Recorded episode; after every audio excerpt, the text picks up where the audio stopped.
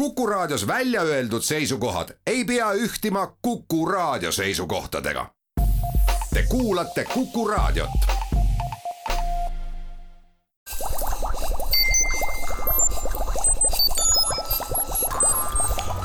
Kukkuv Õun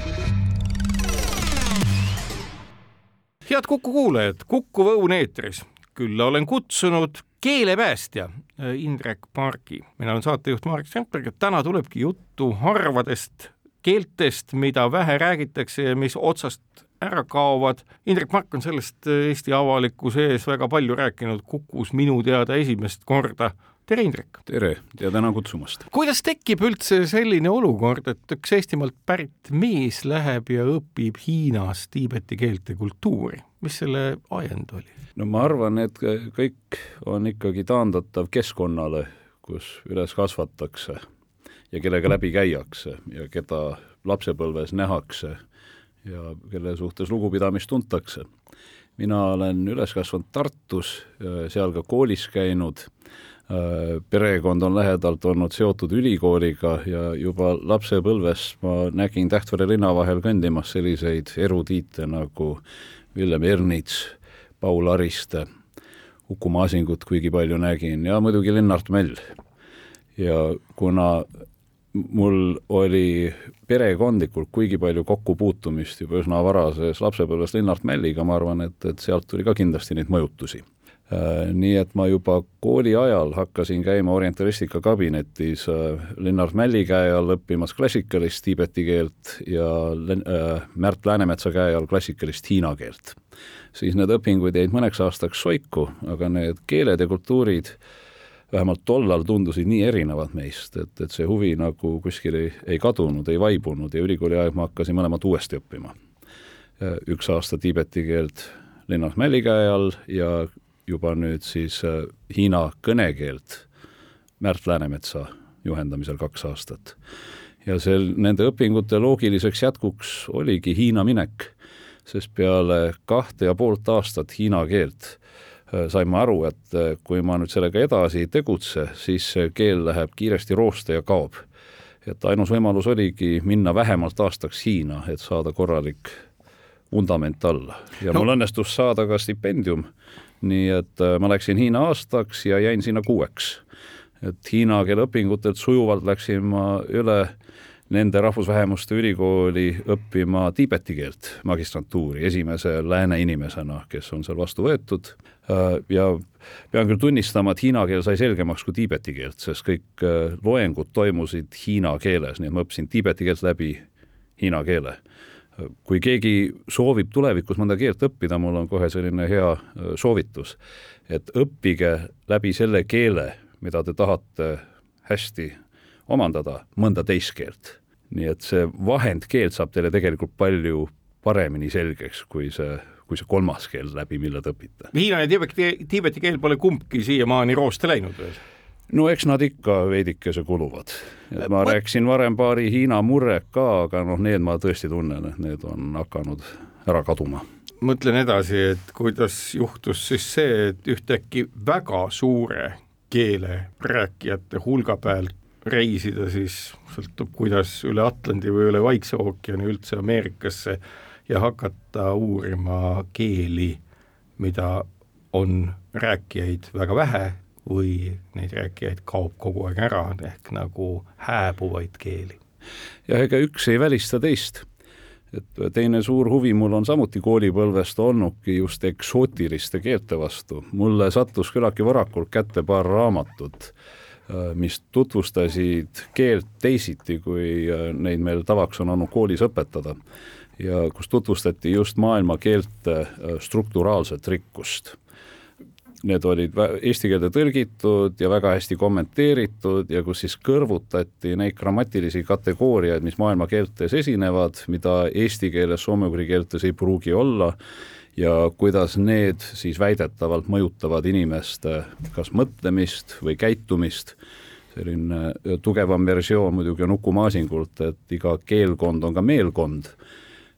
ja see mind sellises õrnas mõjutatavas eas kaunikesti ka pani huvi tundma selliste eriti eksootiliste keelte vastu, mis äh, on meie keelest väga erinevad. kas see on siiani kinnitust leidnud, et keelkond on meelkond?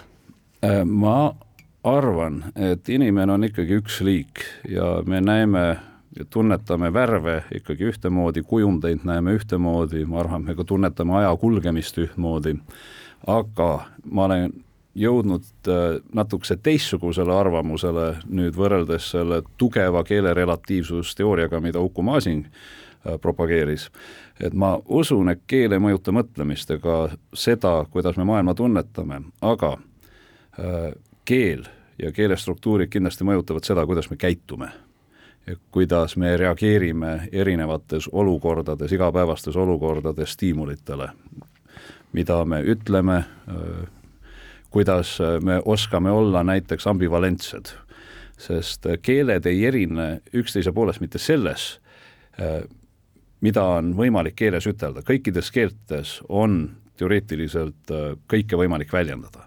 keeled erinevad üksteisest selle poolest, mida nad sunnivad meid ütlema või kuidas ennast väljendama. näiteks vene keeles on sood, meessugu, naissugu, on-na-na, inglise keeles he-she kui me, kui ma räägin, et ma sain kellegiga tänaval kokku ja vana koolikaaslasega, kes kutsus mind äh, pärast äh, restorani, tegi mulle välja, äh, siis eesti keeles ma ütlen jah, ja ta kutsus mind restorani, tegi mulle välja. Inglise keeles, vene keeles tuleb kohe välja, et kas see oli naissoost või meessoost koolikaaslane, he või she. ja võib põhjustada näiteks kodus pahandust, kui ma siin katsun ambivalentne olla kui ma ütlen, et jah, ja siis mind kutsuti, et ma saan rääkida umbisikulises tegumoes, et inglise ja vene keel sunnivad väljendama sugu, sugu, grammatilist sugu, eesti keel ei sunni. ja võib-olla jääb see pahandus olemata ja see on nüüd väga lihtne näide.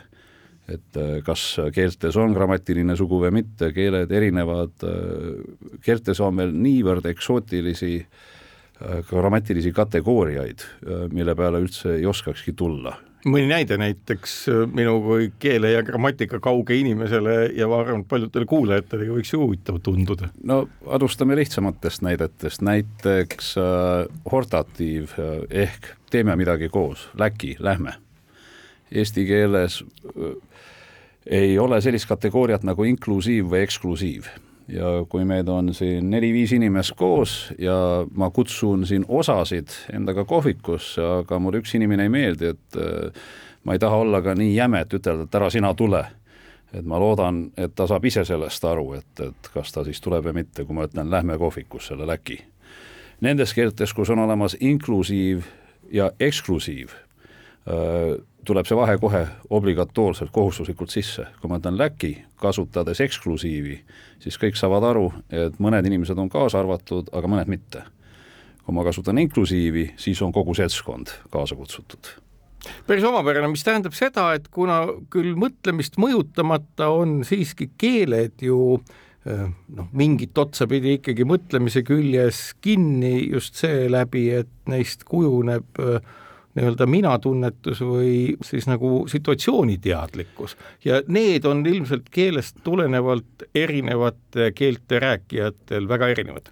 Täpselt. Ja ongi keelestruktuurid ei mõjuta siis maailma nägemise või kogemuse äh,, ei suru oma struktuuri peale maailma äh, kat-, kuidas nüüd ütelda, kategoriseerimisele, aga ta kõjut-, mõjutab meie käitumist konkreetsetes olukordades. veel üks näide. äh,, paljudes maailma keeltes, vähemalt pooltes, on olemas selline kategooria nagu evidentsiaalsus, mis tähendab seda, et kui ma nüüd ütlen ühe lause, fakti, näiteks Eestis, Lätis elavad karud, siis ma kohustuslikult, keel sunnib mulle peale avaldama seda, et kuidas ma seda tean. paljudes indiaani keeltes on nii.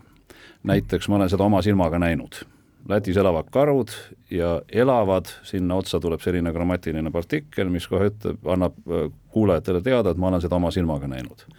või ma tean seda kaude, ma olen lugenud või keegi mulle ütelnud. on ka selline evidentsiaalsus, et, et ma olen Lätis äh, metsas öösel olnud, karu häält kuulnud, aga oma silmaga pole näinud. Äh, eesti keeles on üks evidentsiaalsuse kategooria on olemas, et meil see vatt et äh, Paul Ariste olevat osanud või rääkinuvat kahtekümmet keelt. ma ei räägi seda omast kogemusest, ma siin tsiteerin teisi, et ma tean seda kaudselt. et ma nagu siin raputan endalt maha selle tõestuse vajaduse, et, et äh, Võrus sadavad täna lund ma ei ole seda oma silmaga näinud, ma kuulsin seda ilmateatest või keegi helistas mulle. küsin sinna otsa kohe, et kas siis need kõneldud indiaani keeled või Ameerika põlisrahvaste keeled, kus selline tõendus on möödapääsmatu, kas nendes keeltes oleks siis raskem ka tüssata, petta ja valeuudiseid avaldada? ja kui me lapsepõlves kõik oleme lugenud näiteks nahksuka jutte kus öeldakse, et valge mees, valge inimene räägib haralise keelega ehk siis valetab ja seda tänapäevani öeldakse. sest ja sageli, nüüd ma olen aru saanud, sellise ütlemise all indiaanlased ei pidanud silmas mitte seda, et valge inimene tõesti valetas, vaid et valge inimene äh, jäi ebamääraseks, ambivalentseks. kuigi meile endale tundub meie keel ja. väga täpne, selge, eksaktne, sõnaderohke ja mis iganes. ma võin hea näite tuua, üks minu äh, kursusekaaslane uuris Lakotade päikesetantsu ja religiooni äh, ja ta sai endale keelejuhiks ja kultuurijuhiks ühe kuulsa Lakota nõia kes teda nagu hakkas äh, juhendama ja osasid riituseid talle näitas, osasid mitte. nii, ja üks päikesetantsuriitus, mis algas saunas käimisega, ma tean, et mul see kolleeg seal käis, seda oma silmaga nägi, aga pärast teda edasi järgmistele tasemetele ei võetud kaasa. ta pärast rääkis äh, sellest konverentsil, viieteistminutise ettekande pidas nii, ja ta hakkas sellega pihta, jah, et mind kutsuti sauna ja pärast sauna siis mindi edasi ja toimus päikesetants ja seal palvused, aga nüüd lihtne kuulaja, naiivne kuulaja ei saanud aru, kus lõppes tema isiklik kogemus ja kus siis algas see teadmine, mida, mida talle pärast jutustati ümber. Et, et ta nagu jättis endast eksperdimaa mulje, kui ta tegelikult oli. Ja ta ei valetanud seejuures. samas, kui oleks indiaanlane täpselt sama lugu rääkinud, siis ta oleks kasutanud ühte evidentsiaalsusvormi kuni selle saunaskäigu lõpuni mida ta ise koges ja oma silmaga nägi ja pärast ta oleks vahetanud grammatilist, äh, pannud teised pöördelõpud verbidele otsa, sest ta oleks nüüd juba rääkinud teiste käest kuuldud informatsiooni vahendanud. aga siinkohal teeme saatesse väikse pausi ja kuulake meid pärast vaheaega. kukkuv head kuulajad, Kuku Õun jätkub külas Indrek Park, kellega räägime keele päästmisest põhiliselt just Põhja-Ameerika rahvaste keelte näitel, kas ka Lõuna-Ameerika? kuigi palju olen seal ka teinud tööd, Kesk-Ameerikas peamiselt.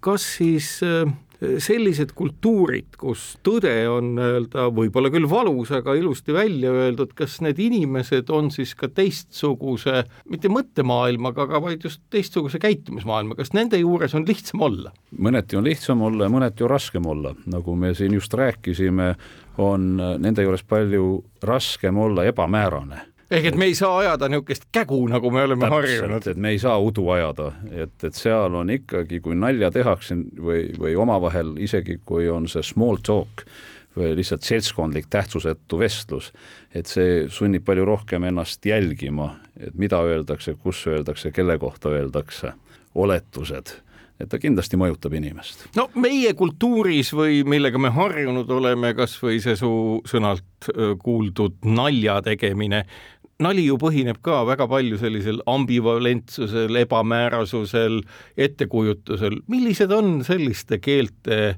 rääkijate naljad, kus peab olema eksaktne, täpne ja korrektne?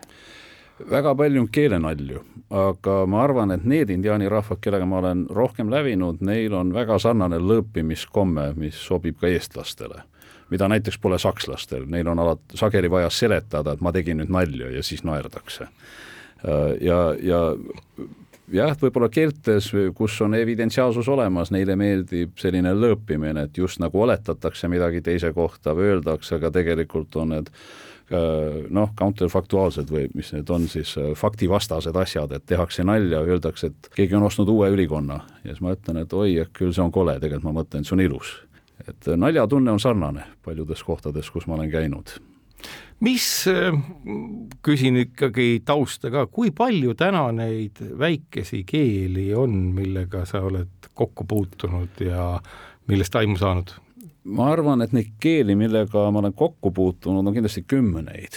Neid, millega ma olen tegelenud lähemalt, neid jääb, neid keeli jääb võib-olla kümne ja kahekümne vahele ja mõnedega siis intensiivsemalt, mõne keelega töö on lõppenud selle tõttu, et enam ei ole kõnelejaid, viimane kõneleja on äh, surnud sageli sellises olukorras jäävad äh, siiski, on veel võimalik leida keelemäletajaid, inimesi, kes teavad mõnda sõna või, või mõndakümmet fraasi või isegi, kes saavad lindistatud äh, kõnest aru, aga ise ei suuda vastu rääkida.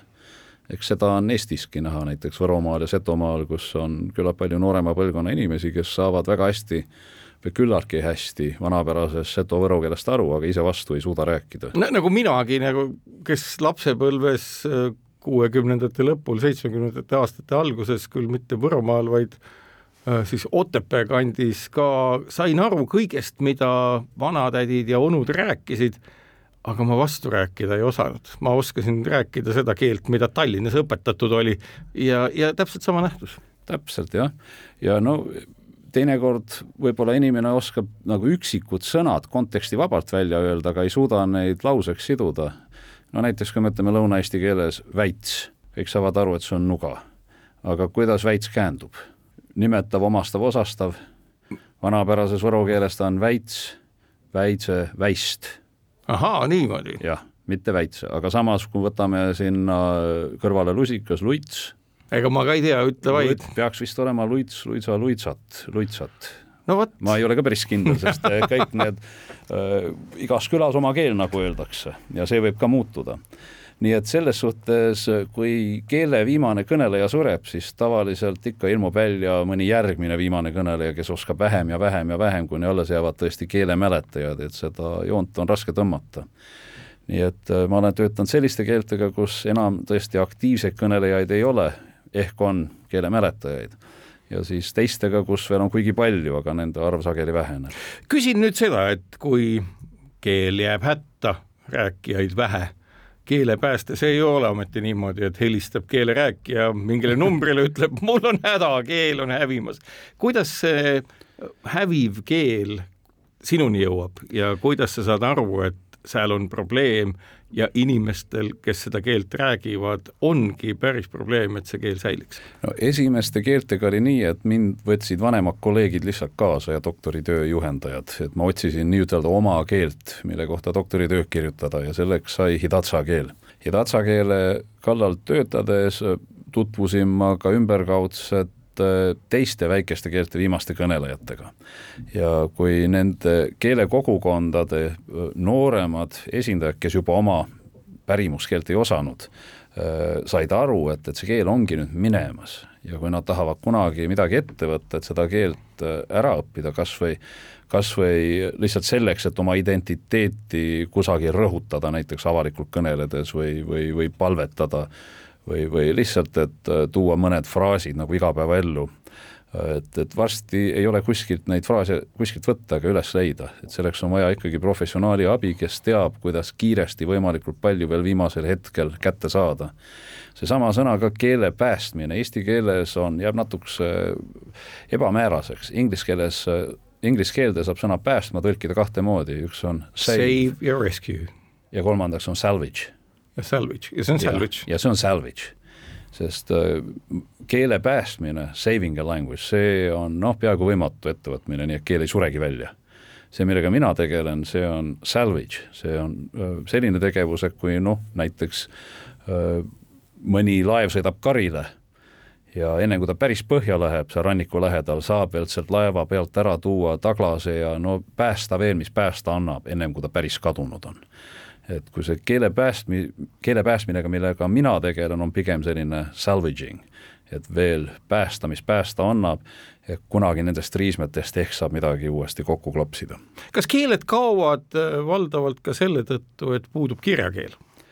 Äh, kindlasti, aga ma arvan, et see muutub määravaks alles mingisuguse ühiskondliku ja kultuurilise taseme juures. kõikidele rahvastele ei ole tähtis haridus ja ei ole kirjakeel ka tähtis. no näiteks karjalased on siinjuures väga hea näide.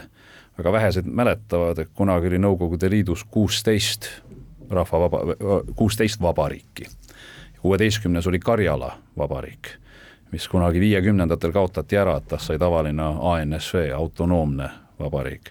ja mis minu arvates nende keele, karjala keele kõnelejate arvule mõjus katastroofiliselt ja nende rahvaarvu vähenemisel oligi see, et karjala keeles ei olnud võimalik kõrgharidust omandada ja kui äh, laste vanemad said sellest aru, siis nad hakkasid oma lapsi panema mitte karjalakeelsetesse koolidesse, vaid venekeelsetesse.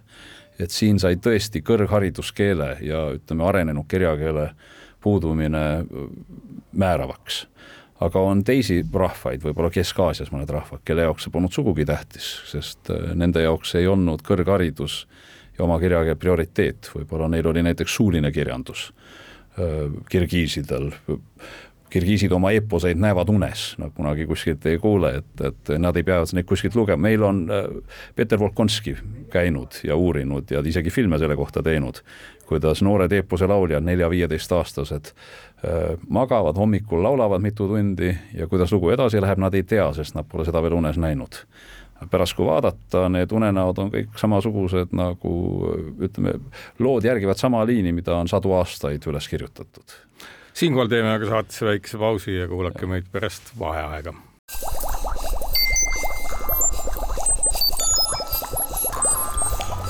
kukkuv õun head kuulajad, Kuku Õun jätkub, külas keelepäästja Indrek Park. räägimegi keeltest, nende olemusest ja sellest, mida keel tegelikult tähendab. Eesti keel on ju samasugune olnud, kirjakeelt meie teada pole ju väga pikka aega olnud ja siis ühtäkki see tuli, et kas see on siis mõnes mõttes, nagu sul eelmises saate osas kirjeldatud kirgiisi keelgi, et äh, mida nähti unes, mida korrutati regilauludes? aga tegelikult me ei tea, kui vana on eesti kirjakeel siis kui nüüd mõtelda tagasi kolmeteistkümnendasse sajandisse ja meie naabrid nii ida kui lääne peal, lääne pool oskasid lugeda ja kirjutada ja me teame, et ristiusk oli mingil määral levinud Eestis juba enne muistset vabadusvõitlust. et on, ma arvan, vähe tõenäoline, et, et Eesti oli selline must maa, kus keegi ei osanud lugeda ega kirjutada. meie vanem kultuur on, äh, on puutsivilisatsioon, nagu on väga tabavalt ütelnud selle kohta äh, näiteks Ants Viires kui vanad indiaani kultuurid Kesk-Ameerikas, neist on alles jäänud suured kivipüramiidid, isegi kui rahvas on kultuuriliselt mõnes mõttes mandunud. ja Kesk-, Lõuna-Ameerikas samasugune lugu, Põhja-Ameerikas, maa, Ameerikate kõige suurem püramiid asub kus? mitte Mehhikos ega Peruus, see asub Ameerika Ühendriikides St Louis'e linnas ka Hookja püramiid, mis on mullast tehtud ja me teame, et seal peal olid kunagi võimsad suured hooned mis olid puust tehtud, aga neist pole jälgegi. Ja ma arvan, et Eesti kultuur vanemal ajal oli samasugune, et me lihtsalt ei tea, mis oli siin ennem ristisõdasid. et meil võisid olla omad saagad, oma kirjakeel, mis võib-olla kadus ja siis uuesti tekkis äh, seoses luterluse ja kirjasõna tähtsustamisega. Aga inimesed ja kõik oli ju sama, eks ole, see ongi, et ega kirjakeel, kui ka olemas on, et sinu hüpotees on see, et see ei kao jäljetult see jälg on ikkagi inimeste ajudes ja kultuuris sees, mida kantakse edasi ka ilma selleta, et just mingi kandja oleks paberi või ma ei tea, vaharullide näol või millene iganes olemas. võib-olla, jah.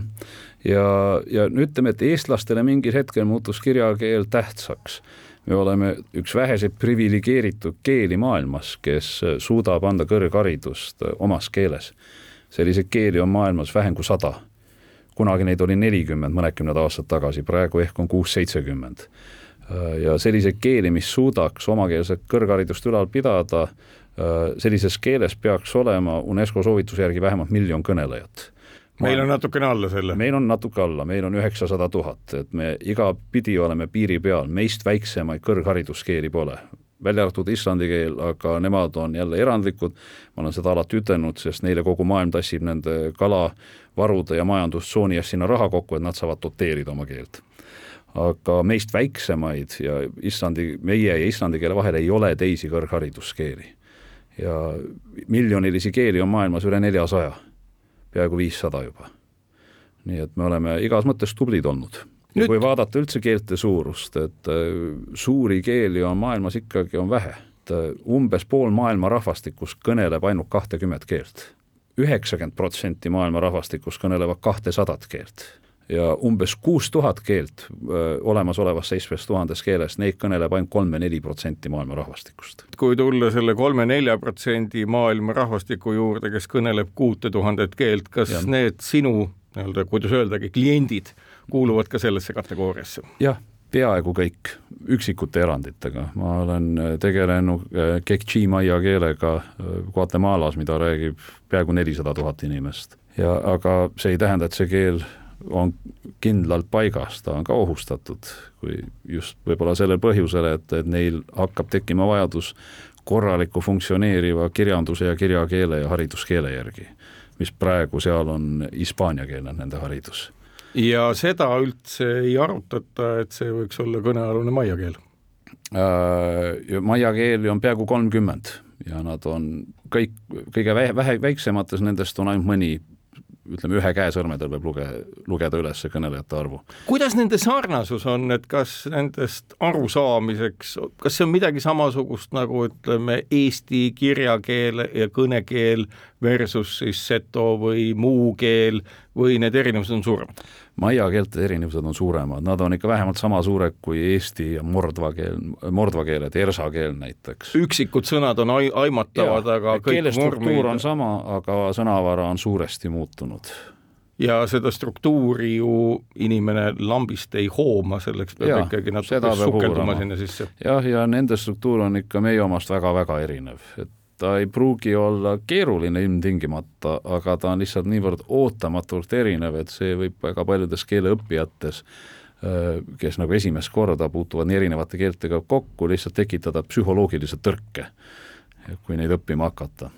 sest äh, raskeid keerulisi keeli, mis on õppimatud, neid on isegi, ma arvan, minu jaoks ka päris palju aga enamasti see raskus ikka on psühholoogiline. kuidas ma selle lause lõpetama pean, Indrek Park teadvat kolm punkti keelt no mida tähendab keele teadmine või oskamine? oskamine jah ja., näiteks. no mida, mida see tähendab, kui ma saan äh, aru vepsa keelest, vepsa keel on tavalisele haritud kirjakeelsele eestlasele, ma arvan, suhteliselt hästi mõistetav ja palju karjala keele murded ka, erinevalt soome keelest, soome keel on keelereformiga nii palju muutunud, et soome keelest mina eriti aru ei saa. aga näiteks vepsa keelest saan, kas see tähendab, et ma oskan? Kui ma vadja keele tekstidest saan aru, kas see tähendab, et ma oskan? Samas on keeli, mida ma tänaval turistina ringi käies äh, oskan nagu ennast väljendada, oskan teed küsida ja raha maksta ja küsida, palju maksab, aga ma ei pruugi sorava kõnel, emakeelse kõneleja vastusest aru saada. mida see siis tähendab, kui ma oskan nagu rääkida, aga aru ei saa? siin on neli kompetentsi, on kõnelemine, arusaamine jutust, kirjutamine, ütleme, kirjutamine, kuulamine ja kõnelemine, kõige tähtsamad asjad ilmselt ja, ja nad ei pruugi olla võrdselt hästi arenenud.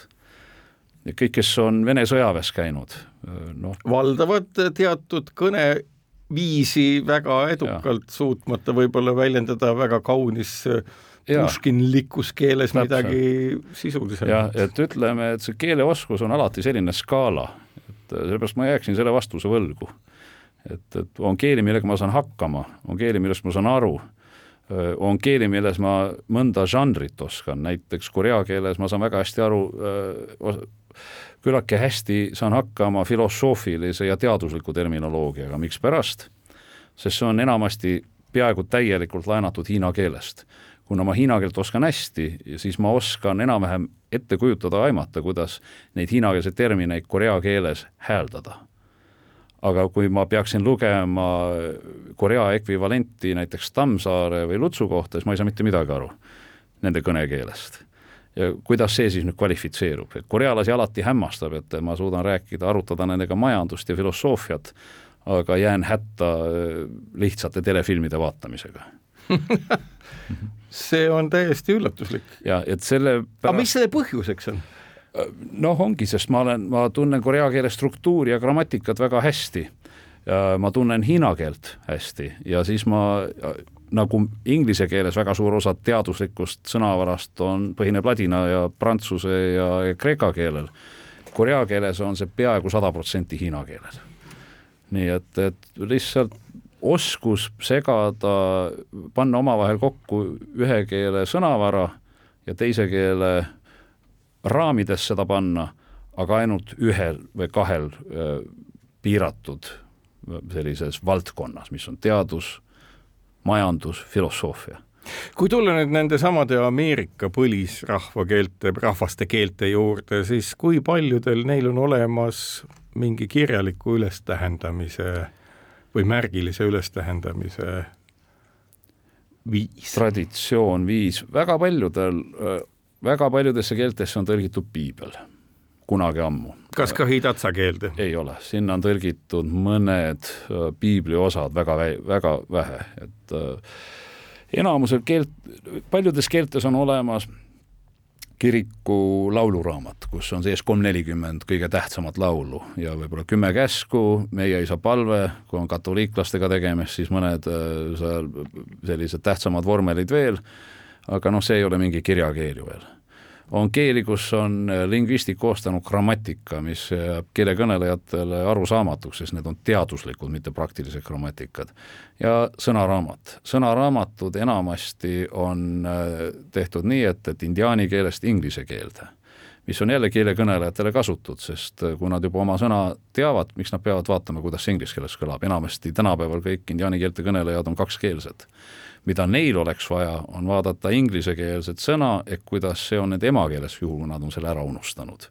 aga sellist sõnaraamatut on palju-palju, no suurusjärk rohkem äh,, raskem koostada, kui ütleme indiaani keelest sinna seletavasse keelde või siis vastupidi nii et, et on keeli, kus on olemas grammatika ja sõnaraamat, aga see ei tähenda, et neil on kirjakeel olemas Lõuna- ja Kesk-Ameerikasse minnes, kus on suuremad keeled, maia keeled, quechua keel, nendes on tõesti mingisugune kirjakeele ja kirjanduse traditsioon olemas, aga see noh, kindlasti ei kannata võrdlust välja peaaegu ühegi Euroopa keelega. siinkohal teeme saatesse aga pausi ja kuulake meie viimast osa pärast vaheaega. kukkuv õun. head kuulajad, Kuku Õun jätkub, Indrek Park keeleteadlane ja keelepäästja stuudios külas, mina olen saatejuht Marek Strandberg. milline siis see keele päästmise akt välja näeb, et kas siis lõpptulemusena, kui sa ütled, et sa oled selle keeleriismed, nii palju kui neid säästa on võimalik olnud sealt uppuvalt laevalt siis kaldale toonud, kas selle tulemuseks on mingi sõnaraamat või mis? No ma annan endale aru, et mul on üle poole elust elatud ja ma ei suuda iseenda korjatud materjaligi elu jooksul organiseerida korralikeks trükisteks, äh, mis siis veel rääkida jah, mingisuguste selliste õppijatele kasulike materjalide koostamisest lisaks äh, on mul nagu ka kohustus mõne oma eelkäija ja õpetaja ja õppejõu suhtes, kes on nüüd juba surnud, äh, kelle käe all ma olen nende keeltega tegelenud, mida ka enam võib-olla ei kõnelda. ja peale minu on maailmas ehk ainult kolm-neli inimest, kes suudavad nende materjalidega tegeleda. et mul on nagu ka kohustus nend-, neid materjale organiseerida ja valmistada ette avaldamiseks, isegi kui minu silmad seda ei näe sest kui ei tee seda mina ega need teised kolm-neli inimest, kes sellega hakkama saaksid, siis ilmselt jääksid need materjalid arhiivi võib-olla tuhandeks aastaks. aga noh, sellest pole ka hullu. praegu kõige tähtsam, mis me saame teha, on lihtsalt käia ringi ja lindistada, lindistada, tõlkida, väga sellised jämedad, lihtsad tõlked kiiresti ära teha, enne kui liiga hilja ja pärast on meil tuhat aastat aega tegeleda filoloogiaga et, et äh, keeleteadus ja filoloogia ei ole sama asi, filoloogia tavaliselt tegeleb tekstidega ja, ja tähenduste leidmise ja võrdlemisega, keeleteadus on pigem matemaatiline valdkond. vot sinna ma tahangi jõuda selles mõttes, et tänasel päeval on meil ju õnneks see olukord, kus äh, ränisse ja tulevikus võib-olla veel mingitesse ainetesse, kus üldsegi kvantbitid liiguvad, on võimalik konstrueerida kõikvõimalikke masinaid, tehisintellekte või õppivaid süsteeme ja kõike muud sellist, mis tulevad toime täiesti üllatuslike asjadega, avades inimestele nende enda tegevuse kohta nähtusi, andmeid ja seoseid, mida ettegi kujutada ei oska. kui palju tänases nii-öelda keeleteaduses, võib-olla ka siis selles lingvistikas, on üldse kasutatud tehisintellekti ja õppivaid algoritme selleks, et seda tuhandet aastat inimtööd kuidagi lühendada?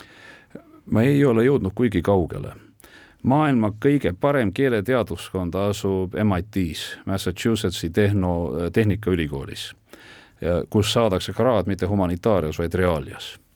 Ja see on ka maailma tippülikool, kus ko-, koostatakse, ehitatakse tehisintellekti ja nad ise ütlevad, et umbes pool tehisintellektist lisaks robootikat, robootikale ja muudele kognitiivne teadus distsipliinidele viiskümmend protsenti koostisest tuleb keeleteadusest.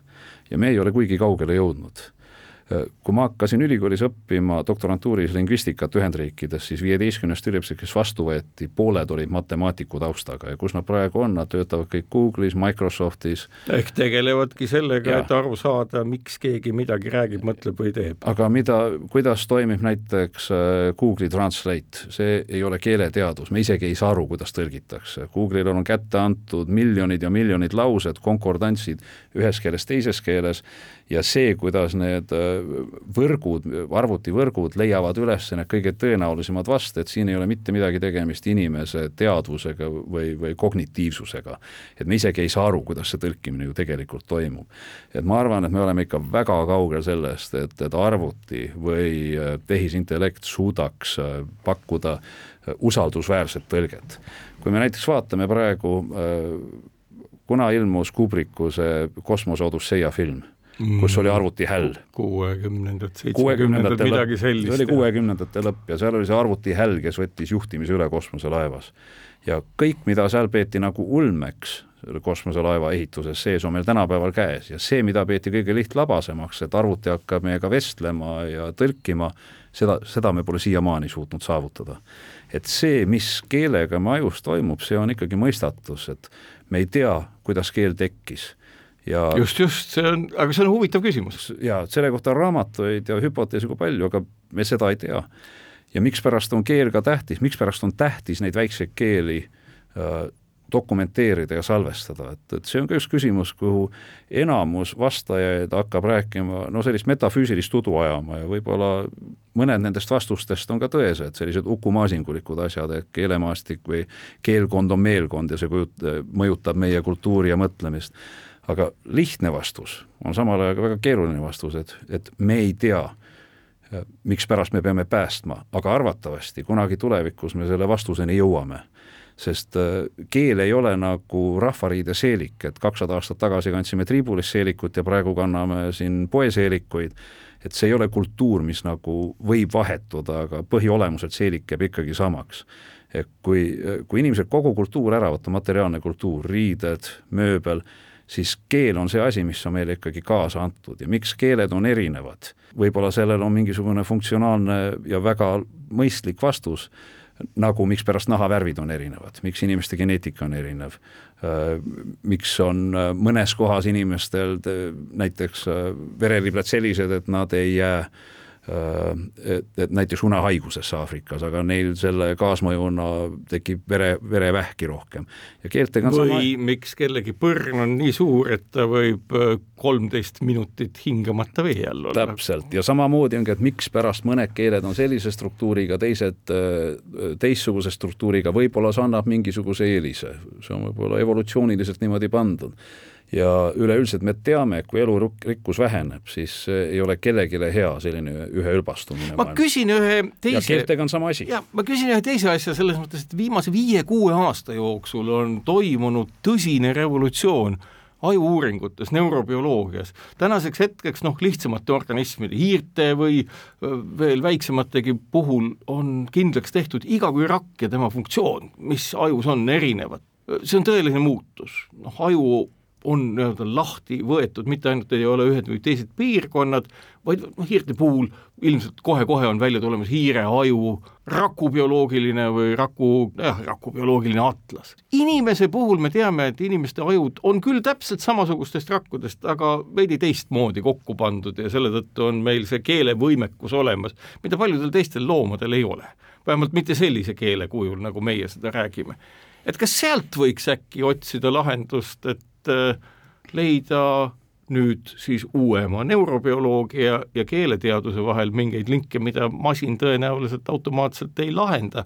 ja nagu sa kirjeldad, needsamad keerulised algoritmid, mis küll tõlgivad, ei anna meile teada mitte midagi selle kohta, miks see nii on. ja loomulikult, ma arvan, see ongi keeleteaduse üks teine, lisaks matemaatilisele keele või arvutikeeleteaduse teine suur suund ongi kliiniline keeleteadus, et teine suur osa minu endistest õpingukaaslastest äh, töötavad haiglates ja igasuguste kõnehäiretega, afaasia, kõnevõime kaotus, mõned inimesed saavad aru, aga ei oska rääkida, teised suudavad rääkida, aga ei saa kõnest aru, kui on mingid ajutraumad olnud. et jällegi, vastus on selline, et me kobame alles praegu seda pinnavirvendust, et saame aru, et kuidas keel ajus on, kuidas ta ajus on salvestatud.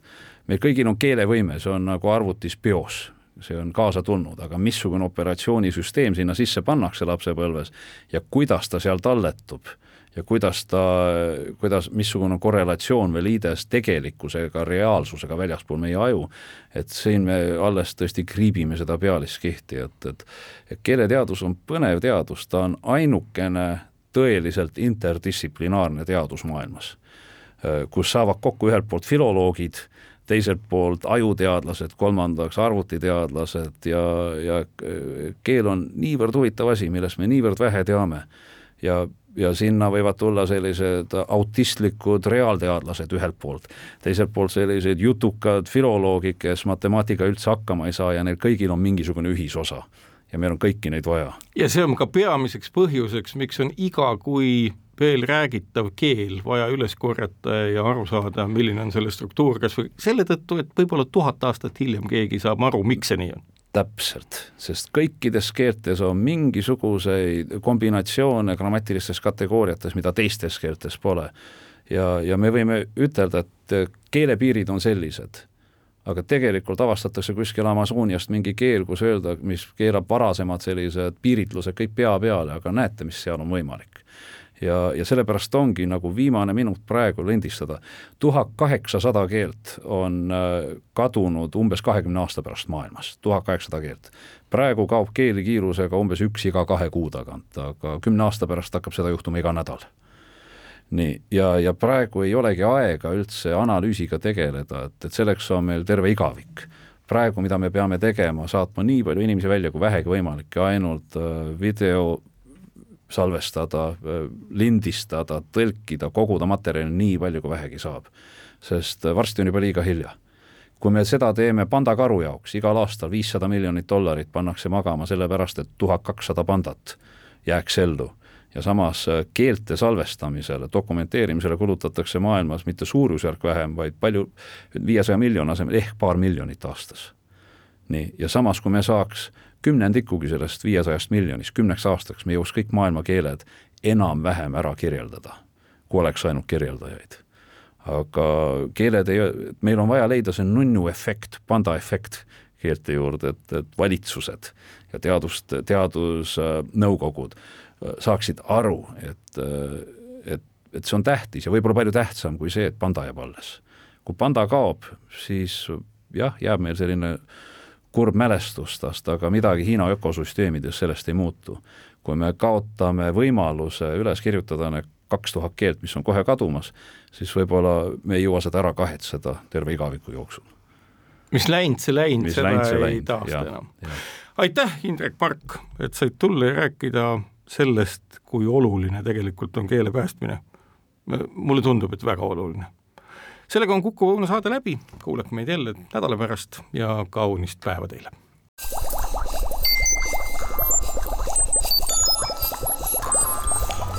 kukkuv õun